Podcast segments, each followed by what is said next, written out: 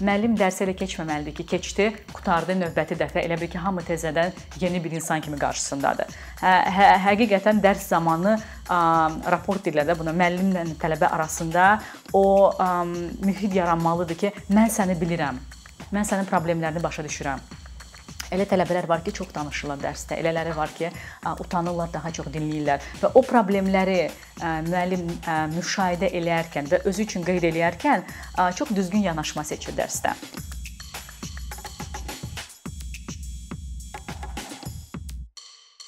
Xoş gəlmisiniz Günay xanım.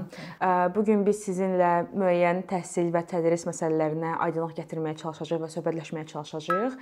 Çox sağ olun ki, bu gün burdasınız. Mən tez bir şəkildə suallarıma giriş eləmək istəyərdim ki, biz söhbətimizə başlayaq. Demək, əvvəlcə bundan ə, başlamaq istəyərdim. Siz ingilis dili müəlliməsisiniz və öz kursunuz var. Tədris edirsiniz və öz metodlarından seçilən bir kursunuz var, belə deyək. Mən bilmək istəyirəm ki, bizə bəzən ə, valideynlər tərəfindən, ətraf mühit tərəfindən belə təlqin olunur ki, xarici dil bilmək üçün mütləq şəkildə müəyyən bir bacarığa sahib olmaq lazımdır. Əgər bir insan, necə deyirlər, xüsusi o bacarıq yoxdursa, onun xarici dil qavrama qabiliyyətləri o qədər yüksək ola bilməz və o öyrənə bilməz. Bu barədə nə düşünürsüz? Nəyə görə belə bir mif var və nəyə görə insanlar buna hələ də inanır? Çox sağ olun dəvətiniz üçün ilk öncə Fərxan. Mən inanıram ki, hardasa bəzi insanlar dilləri daha yaxşı qavraya bilər. Amma hansısa bir metodu, hansı ki daha işləyən metodu tətbiq eləsək, hər hansı bir insan o dili öyrənə bilər və buna deyilir kommunikativ metod. Kommunikativ metod real həyata çox yaxın olan bir dərs metodudur, hansında ki, insanlar dərs mühitində sanki real həyatı yaşayırlar maksimal dərəcədə. Məsəl üçün, yeməklə və restoranla bağlı dərsdə menyuya baxacaqlar, o sözlərə, inqrediyentlərə ki, hansısa bir moment onlara ingilis dili restoranda, kafedə istifadə etməyə lazım olsa, onlar o dərsi artıq düzgün başa düşüb, o metodlarla dərs zamanı artıq o düzgün kəlmələri qura biləcəklər. Yəni belə bir metod metod da heç bir insanın belə deyim şansı yoxdur ingilis dilini qavramasın. Amma təbii ki, elə metodlar var ki, onların vasitəsilə dili qavramaq çox çətindir. Hansı ki, daha qrammatik, daha detallara gedən və insanın real həyatla ingilis dili arasında böyük bir boşluğu yaranır. Bilmir ki, qaydaları başa düşür, amma həyatda onu necə tətbiq etmək lazımdır, boşluq yaranır. Ona görə də mən düşünərdim ki, bu 100%lıq mif deyil, amma bir qədər şişirdilib və bəzi insanlar üçün yaxşı bir necə deyim, canlı qurtarmaq üçün bir ə, e, sanki bir üsuldur. Üsuldur. Hə, mənlik deyil, mən dilləri yaxşı ə, e, qavramıram. Halbuki Azərbaycanca çox da gözəl danışır, yazır, universitet bitirir və s. o deməkdir ki, artıq bu insan ingiliscə danışa bilərdi. Hmm. Eyni zamanda mən sizin müsahibələrinizdə danışdığınız xüsusən əkinçinin nəzər e, rubrikasından siz danışmısınız bir neçə dəfə. Mən ona fikir vermişəm ki, müşahidə etmişəm ki, siz tələbələrinizə çox individual yanaşırsınız, fərdi yanaşırsınız. Düzdür, sizin kursunuz var və əminəm ki, hədsiz çox tələbəniz var, amma e, sizin müşahidələrinizdən başa düşmək olur ki, siz doğrudan hər bir tələbəyə öz fərdi xüsusiyyətlərinə yanaşırsınız və buna görə bilmək istəyərdim ki, e, bu tələbə müəllim münasibətlərimi deyək və eyni zamanda ümumiyyətlə tələbələriniz hansı çətinliklərlə üzləşirlər dil öyrənəndə və e, xüsusilə də onları o üzləşdiyi çətinliklərdən necə qurtarmaq olar? Bəli, qruplar balaca olmalıdır, əgər biz istəyirik ki, çox fərdi yanaşaq, amma əslində böyük qruplar da problem deyil. Mən həmişə müəllimlərə deyirəm ki, bir belə deyim, qrupu başlamamış bir fayl açmaq lazımdır və orada hər tələbənin xüsusiyyətlərini qeyd eləmək. Bu elə bil ki, log belə deyək, bir fayldır, hansı ki, tələbənin ondan heç xəbəri də olmaz. Mənim elə tələbələrim olub ki, deyib ki, məsəl üçün tələbəm olub ki, Van Gogh-u çox sevib. Hə, hətta saatı, belə kitabçası, hər şey belə o stildə idi, Starry Night, deməli belə dizaynda idi və mən onu qeyd eləyəndə artıq bilirdim ki, məhz həmin o tələbəyə mən nəsə material göndərmək istəsəm, bilirəm ki, bu incəsənətlə maraqlanır və xüsusilə də bu həmin o insanla maraqlanır. Məqalə görsəydim ona göndərərdim və beləliklə biz müəllimlərə məsləhət görürük ki, bunu mütləq eləyin. Və başqa bir hansısa bir müşahidələr çox vacibdir. Ümumiyyətlə müəllim dərsə elə keçməməlidir ki, keçdi, qutardı, növbəti dəfə elə bil ki, hamı təzədən yeni bir insan kimi qarşısındadır. Hə, hə, həqiqətən dərs zamanı ə, raport edilir də buna müəllimlə tələbə arasında o ə, mühit yaranmalıdır ki, mən səni bilirəm. Mən sənin problemlərini başa düşürəm. Elə tələbələr var ki, çox danışırlar dərsdə. Elələri var ki, utanırlar, daha çox dinləyirlər və o problemləri müəllim müşahidə eləyərkən və özü üçün qeyd eləyərkən çox düzgün yanaşma seçir dərsdə. Və hətta qruplaşmanı da tələbələrin arasında hər hansı bir deyək ki, məşğələ zamanı düzgün qurur ki, danışmayan danışanla bir yerdə oturur ki, onlar nəsə eləyə bilsinlər. Bu balaca bir texnikalardır. Hətta mən deyərdim ki, hərdən böyük bir texnikalara ehtiyac yoxdur. Dərin bir metodlara ehtiyac yoxdur.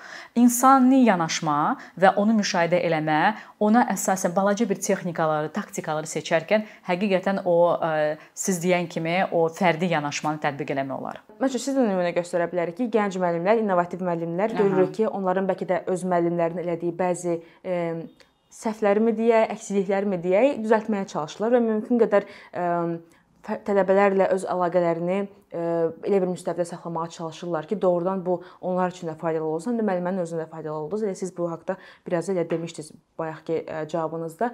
Bəs ə, bu Sovet dövründə bilirik ki, müəllimlər daima ciddi öz belə deyək də öz profilləri var və o profil hər zaman əlçatılmazdır tələbələr üçün. Amma bu bir qədər dəyişir gənc e, mütəxəssislərlə birlikdə.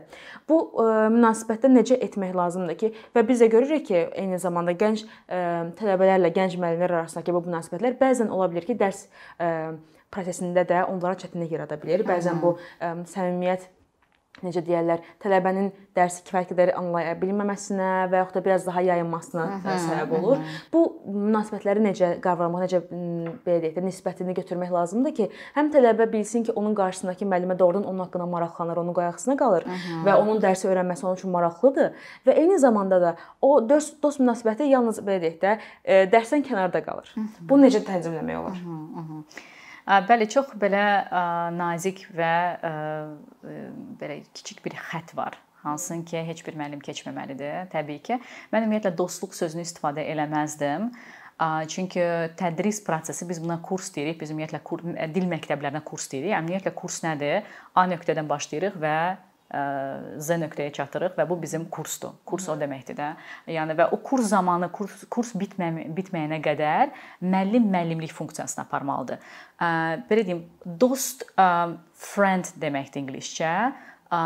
Kiməsə qarşı isə nəzakətli davranma friendly və mən onu məsləhət görəm müəllimlərə. Nəzakətli davranmaq, diqqətli davranmaq.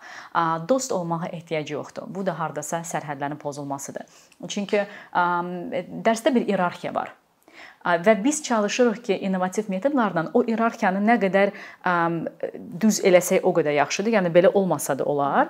Çünki ə, buna deyirlər tələbə yönümlü dərs formatı, hansına ki müəllim dayanıb belə deyim, nəzəri, məlumatı ötürmür. Daha çox belə səmimi mühitdə oturarkən nələrsə bir yerdə baxırlar, sonra Məsəl üçün tələbələr qrup aralarında qrup qrupla işləyəndə bir tələbə tək gələndə qalanda müəllim onunla oturub işləyə bilər və beləliklə qrup yarada bilər. Yəni bu səmimiyyətdir, bu gözəldir, amma yenə də bu müəllimdir və tələbələr bunu gözəl başa düşür. Müəllim funksiyası bir qədər dost tərəfə yönəliləndə onda o dərsi idarə etmək biraz çətin olur. Ona görə də müəllimlik önəmlidir. Müəllim belə deyim, faktorunu qorumaq lazımdır. Halbuki nəzakətli olmaq, diqqətli olmaq, tələbənin tələbələrin proqresini güdmək və ona əsasən düzgün addımlar atmaq lazımdırsa motivasiya, hansı ki, hansı bir tələbə dərsdə sönüb, gözləri artıq sönüb, ola bilər ki, motivasiyası hardasa itib,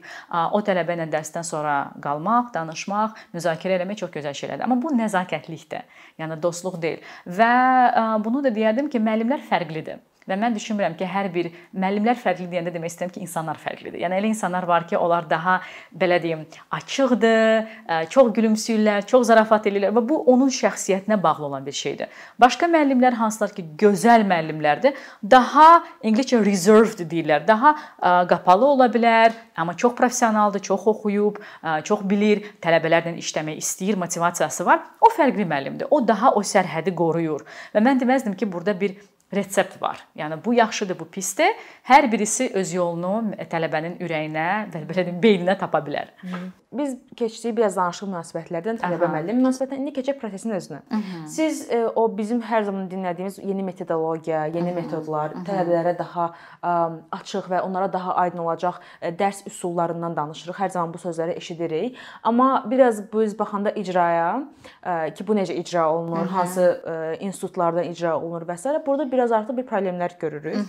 Təəssüflər olsun ki, belə deyək, sizin kurslarınızda sizin ümumiyyətlə müəllimə kimi öz tələbələrinizə öyrətdiyiniz üsulları biz tədris sisteminə ümumiyyətlə bu hansı üsullardır? Bunu gəlin aydınlaşdıraq və ə, biz tədris metodlarına məktəblərdə, orta məktəblərdə və ya ibtidai siniflərdə onları keçə bilərikmi və onları ə, belə deyək də keçə keçirə bilsək əgər orta məktəbləri və ibtidai sinifləri burada hansı çatışmazlıqlar çıxa bilər və hansı əksikliklər və hansı müsbətlər ola bilər? Hı -hı.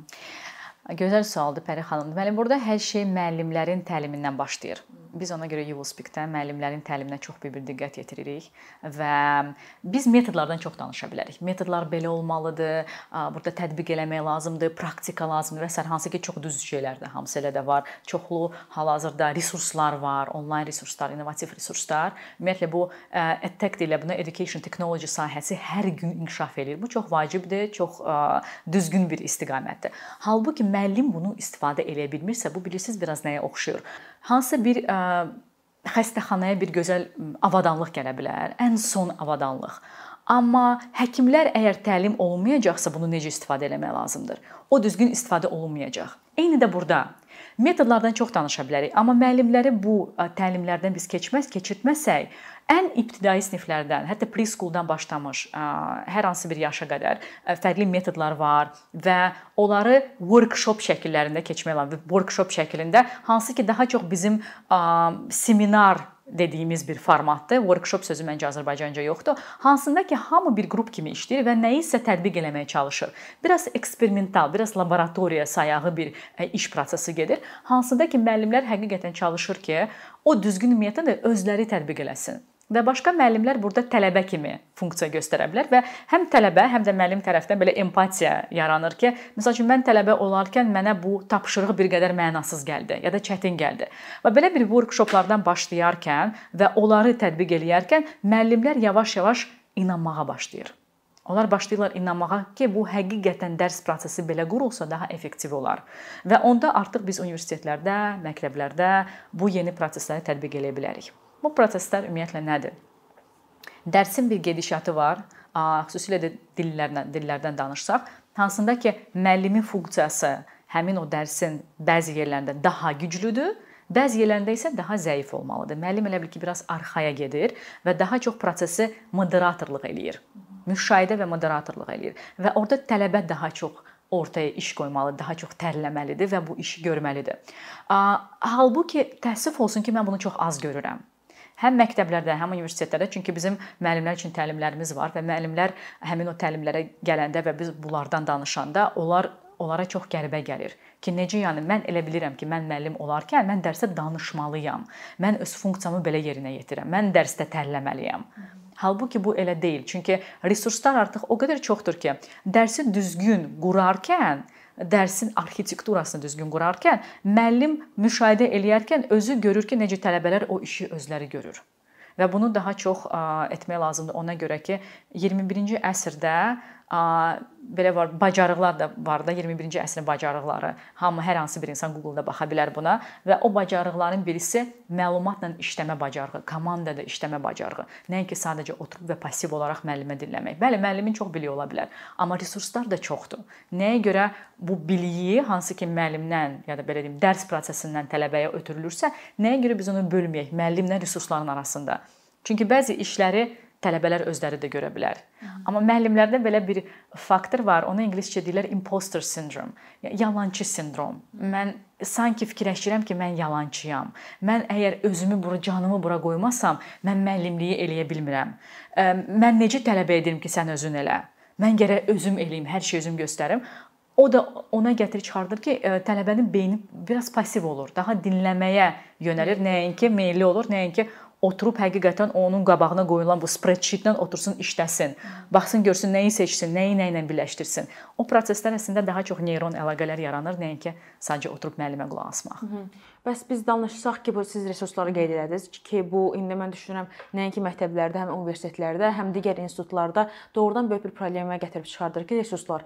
Məsələn, olsun ingilis dilində resurslara baxaq. İngilis resurslar bilirik ki, hədsiz dərəcədə çoxdur. çoxdur Çünki bəli. E, bu yalnız tutaq ki, ingilis dili ölkələrdən yox, eyni zamanda digər ölkələrin beynəlxalq şöbələrindən də yayıla bilər, oradan bəli, hazırlana bilər, istehsal oluna bilər və internetə yüklənə bilər.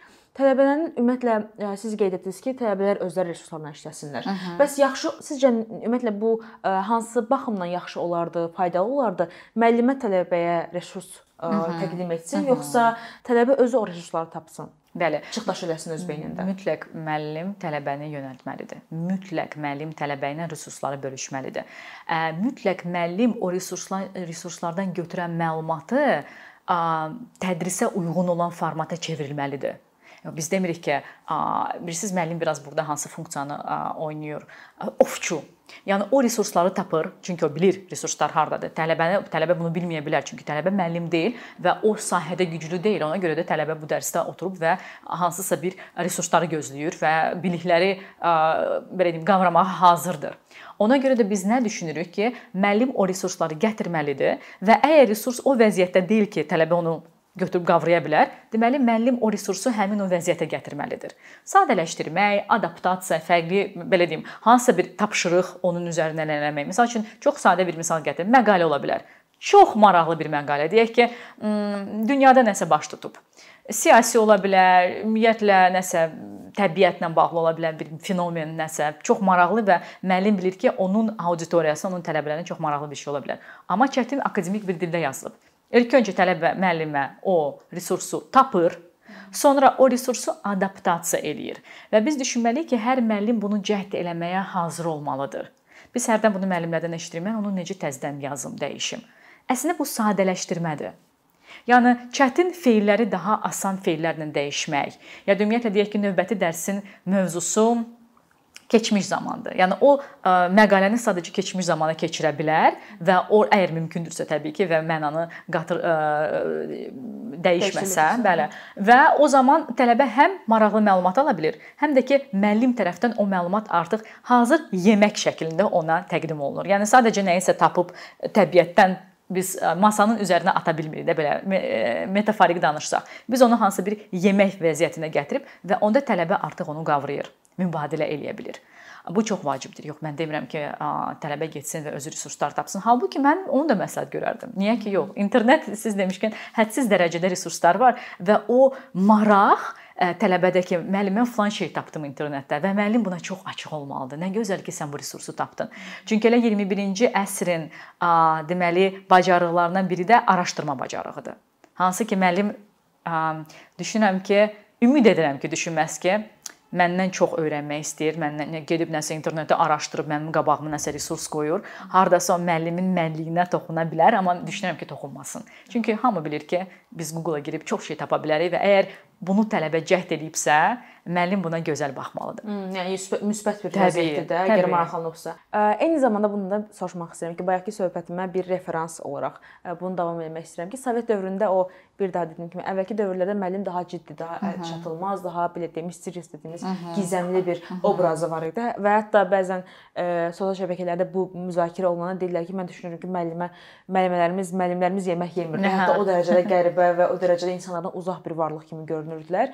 Amma biz düşünüb baxsaq bu günümüzə sizin TikTokda paylaşımlarınız, Instagramda paylaşımlarınız və öyrədici paylaşımlarınız və hətta mən bildiyim qədərilə You Will Speak bir səhifənin tərkibində bir rubrika kimi başlayıb. Hətta -hı. bunlar hamısı həm sizə həm sizin belə deyək, təbəələrinizə, potensial kütlənizə sizə ona imkan verir ki, onu başa düşsünlər ki, siz daha fərqli metodlarla, həm də daha səmimi, daha maraqlı, həm daha əyləncəli bir Hı -hı. dərs keçirsiniz, dərs prosesi insanlara vəd edirsiniz. Həm də o baxımdan ki, insanların belə deyək, daha inandırıcı olur da onlara gördüklərini artıq bilirlər ki, onlar dərs prosesində nədən nə görəcəklər, nəyi öyrənəcəklər, nəyi belə deyə düşünə bilərlər, nəyi planlaya bilərlər.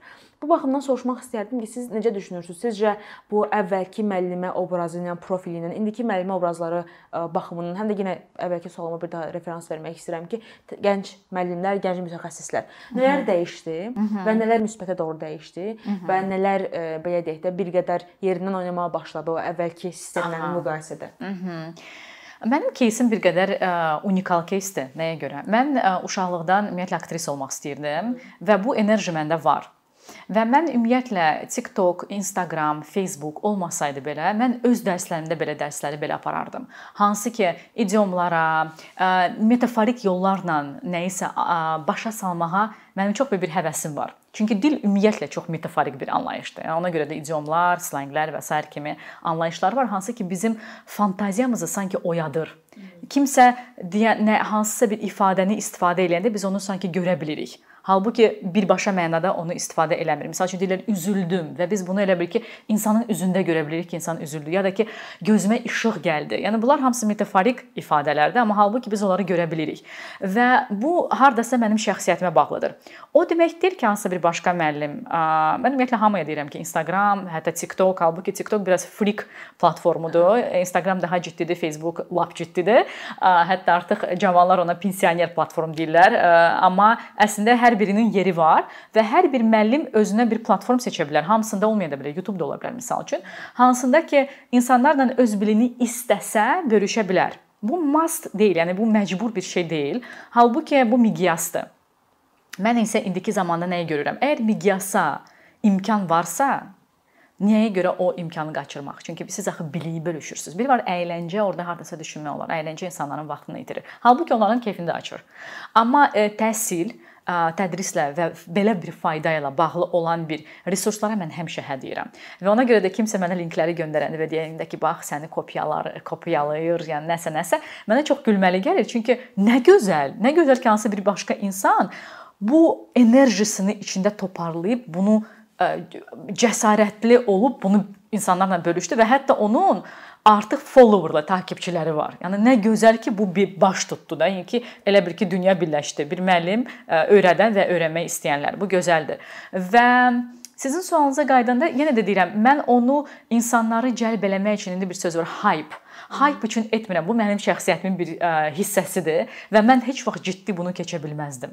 Yalnız ə, necə varam elə də bunu eləyirdim və mənim ailə üzvlərim çox yaxşı bunu bilir. Mən necə insanam ə, ki, mən ə, zarafatçıl, belə ə, mən uşaq olanda bax bu boyda balaca yaşımda olanda bizim ə, rayondan qohumlarımız gələndə mən onları belə onlar sayağı belə danışanda hamı gülürdü. Çünki mən bunu eləməyi çox xoşlayırdım və başqa hansı bir insanları, aksentləri xoşlayırdım bunu eləməyi. Uşaq olarkən bunu eləyirdim. Və ona görə bu oradan qaynaqlanır.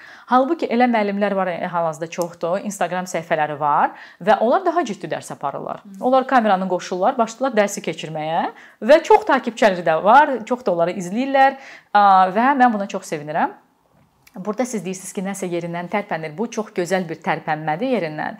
Mən düşünürəm ki, müəllimlər həqiqətən müqəddəsdir. Çünki e, çox zamanlar müəllim olarkən biz o çox sağ ol kəlməsini almaya bilərik. Halbuki məncə almalıyıq çünki ürəkdən işləyən müəllim həqiqətən böyük bir dəyər gətirir dünyaya. Necə ki, həkim də və başqa təbii ki, sahələr, amma hər şey axı müəllimlikdən başlayır. Biz birincisi nə isə müəllimdən öyrənirik, sonra o peşənin sahibi oluruq. Ona görə müəllim çox müəllimlik həqiqətən müəllimlik deyərdim ki, müqəddəsdir. Hansısa bir insanı müqəddəs eləməyə istəməzdim heç bir zaman, amma müəllimlik belə gözəl bir ixtisasdır və həqiqətən müqəddəsdir. Və sadəcə düşünürəm ki, o səmimiyyət daha çox olmalıdır. Və ona görə də müəllim yemək yemir, çox işləyirsə bəlkə də yemir, amma əslində müəllim yəni biraz yerə düşüb və tələbələrlə bir yerdə otursa və xüsusilə də universitetlərdə, məktəblərdə sadəliyini, sadəliyini göstərsə ki, mən bilirəm sən nələrdən keçirsən. Mən başa düşürəm bu necə çətin ola bilər. Gəl baxaq biz bunu necə bir yerdə eləyə bilərik. Mən görürəm ki, sən cəhd göstərdin bura, burada. Və Amerikada, başqa ölkələrdə də mən Amerikada məktəbdə bir il oxumuşam deyə bilirəm ki, onlarda bu good job kəlməsi bir fəlsəfədir. Bu sadəcə good job, görürsüz mən necə yaxşı müəlliməm, hamıya good job deyirəm deyil. Bu good job deyir. O demir good result. Fikir verin. Good job nə deməkdir? Sən yaxşı o prosesi, yəni tərifləyir. Bəli, sən bu prosesi elədin. Nə olsun ki, axırda sən pis nəticəyə gəldin, çıxdın, o da ola bilər. Amma mən görürəm ki, sən cəhd elədin və bu job sözü burada açar ən əsas söz odur, nəinki good result. Və mən müəllimlərə bax bunu məsləhət görmək istəyirəm ki, tələbə nə isə cəhd eləyəndə və gör, gör, görünür ki, əziyyət çəkirsə əgər bu prosesdə mütləq onu bildirmək lazımdır. Bu insanla insan arasında çox gözəl bir siqnaldır ki, mən səni görürəm, mən başa düşürəm nələrdən keçirsən. Və bu səmiyyətdən söhbət gedir daha çox. Hı -hı. Siz qeyd etdiniz, yeni metodlardan biz danışdıq.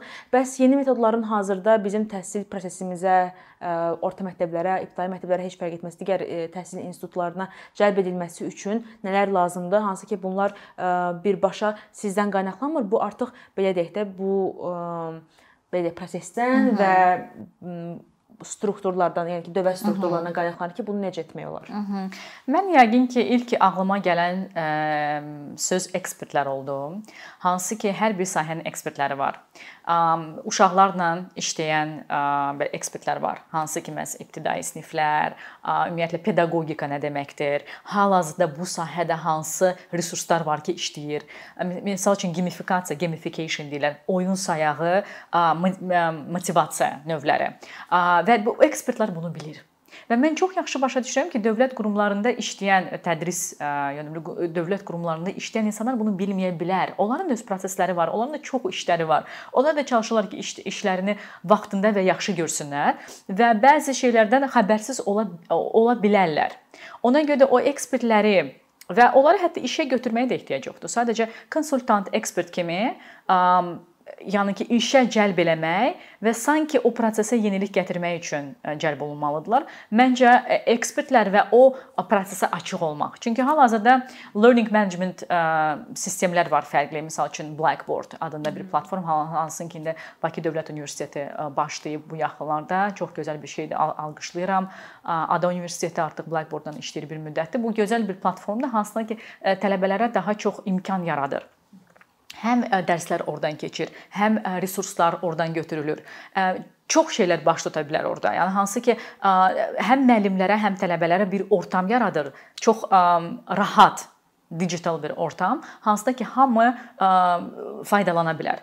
Bax bu açıqlıqlara ilk öncə açıq ol, yəni ki, bu yeniliklərə ilk öncə həmin o qurumun özündə açıq olmaq, sonra isə ekspertləri məncə dəvət eləmək ki, o ekspertlər ə, yolları göstərsin. Və təbii ki, hər hansı bir dövlət qurumunun, hər hansı bir universitetin bir strategiyası olmalıdır. Mənim strategiyam nədir? Universitetlərdə ingilis bölmələri aç açılanda foundationlar olmalıdır. Və o foundationlar asan bir proses deyil. Və ona görə ekspertləri dəvət eləmək ki, bu prosesi necə qurmaq olar, həm tədris prosesinin ekspertləri, həm də ki, hansısa konkret bir belə deyim, resursun hətta ekspertləri var. Hansı ki bilir ki, məsələn bu Blackboard necə işləyir, bəs bu platform necə işləyir, bu gamifikasiyanı necə qurmaq olar? Hansı cürə platformlar və resurslar var ki, tələbələr öz proqresini qursun və onlara onun nəticəsində nəsə, məsəl üçün bir hədiyyə kimi verirsin kursun axırında və ya nəsə belə bir şey. Belə bir məsləhət görərdim və ümid edirik ki, bu məsləhətiniz lazımlı yerə çatacaq və mən də bilirəm ki, Blackboard-da bəzi problemlər də var, eyni zamanda müəllimlər çətinlik çəkirlər, amma eyni zamanda bununla bağlı təlimlər də keçirilir. Təlimlər, bəli, bəli. Aha. Hı -hı. Və bu təlimlər də ümid edirəm ki, daha yaxşı bir belə deyək, təhsil sistemi üçün bizə ilkin addımlar olar. Bu gün çox sağ olun gəldiyiniz üçün, çox sağ olun bu maraqlı söhbət üçün. Ümid edirəm ki, sizin ürəyinizə yatdı söhbətimiz. Çox sağ olun dəvətiniz üçün. Sağ olun. Sağ olun. Bir neçə ildir ki, əkinçi olaraq azərbaycanlı izləyicilərin hər zaman faydalana biləcəyi keyfiyyətli və ən əsas ödənişsiz kontent hazırlamağa çalışırıq. İndiyədək təqdim etdiyimiz onlarla animasiya və yüzlərlə çəkilişlər tələbələrin, mütəxəssislərin, müəllimlərin və ümumiyyətlə yeni mövzulardan xəbərdar olmaq istəyən çox sayda insanın marağına səbəb olub. Bu illər ərzində hazırladığımız videolar təhsil, texnologiya, ictimai fəallıq, iqtisadiyyat, gender bərabərliyi, ətraf mühit, ifadə ifadə azadlığı, hüquq, demokratik inkişaf, mədəniyyət və digər mövzuları əhatə edib. Məqsədimiz çoxlu baxış gətirən deyil, çoxlu fayda gətirən videolar hazırlamaqdır. Amma bu düşündüyümüz qədər asan deyilmiş. Gördüyümüz iş kifayət qədər resurs, əmək və təbii ki, davamlılıq tələb edir. Bu səbəbdən Patreon platformasından istifadəyə başladıq. Əkinçinin Patreon hesabının populyarlaşmasına çox böyük ümidlərimiz və gözləntilərimiz var. Bəziləriniz Patreon haqqında ilk dəfə eşidirsiniz. Əslində çox sadə izahı olan bir platformadır. Təsəvvür edin ki, siz rəssam və ya musiqiçisiz. Sosial şəbəkələrdə sizi izləyən, işinizi bəyənən çox sayda insan var. Patreon platforması sizə imkan verir ki, izləyicilərinizin könüllü aylıq ödənişləri sayəsində işinizi davam etdirəsiz. Sərgi, konsert zallarından asılı qalmayasınız. Amma bu təkcə rəssam və musiqiçilərə aid deyil. Məsələn, əkinçiyə bənzər fəaliyyətlə məşğul olan bəzi layihələrin 10 minlərlə patronu var. Biz də düşündük ki, nə üçün əkinçinin Patreon hesabı olmasın? Sizin dəstəyiniz sayəsində biz daha çox və daha keyfiyyətli kontent yaratmağa davam edə biləcəyik. Amma bu dəstək yalnız maddi dəstək deyil. Dəstəkçilərimizin sayının artması gördüyümüz işlərin faydalı olduğuna dair əminlik verir. Patreon platformasından istifadə çox sadədir. Hesabınızı açırsınız, sizə uyğun dəstək növünü seçirsiniz və Patreon özü hər ayın ilk günü kartınızdan seçdiyiniz dəstək növünə uyğun ödəniş tutur. Bu qədər. Sonda onu demək istəyirik ki, dəstəkçilərin sırasına qoşulmaq istəyən, amma məhdud imkana görə bunu edə bilməyənlər narahat olmasın. Daha öncə dediyimiz kimi, bizim əsas məqsədimiz daha çox insanın hər zaman faydalana biləcəyi keyfiyyətli və ödənişsiz kontentin yaradılmasıdır. Bunun üçün mütləq patronumuz patronumuz olmalısınız deyə məcburiyyət yoxdur. Amma imkanınız patron olmağa çatırsa və bizim işimizi bəyənirsinizsə, patronlarımızın sırasına qoşulmağınız bizim üçün çox önəmlidir.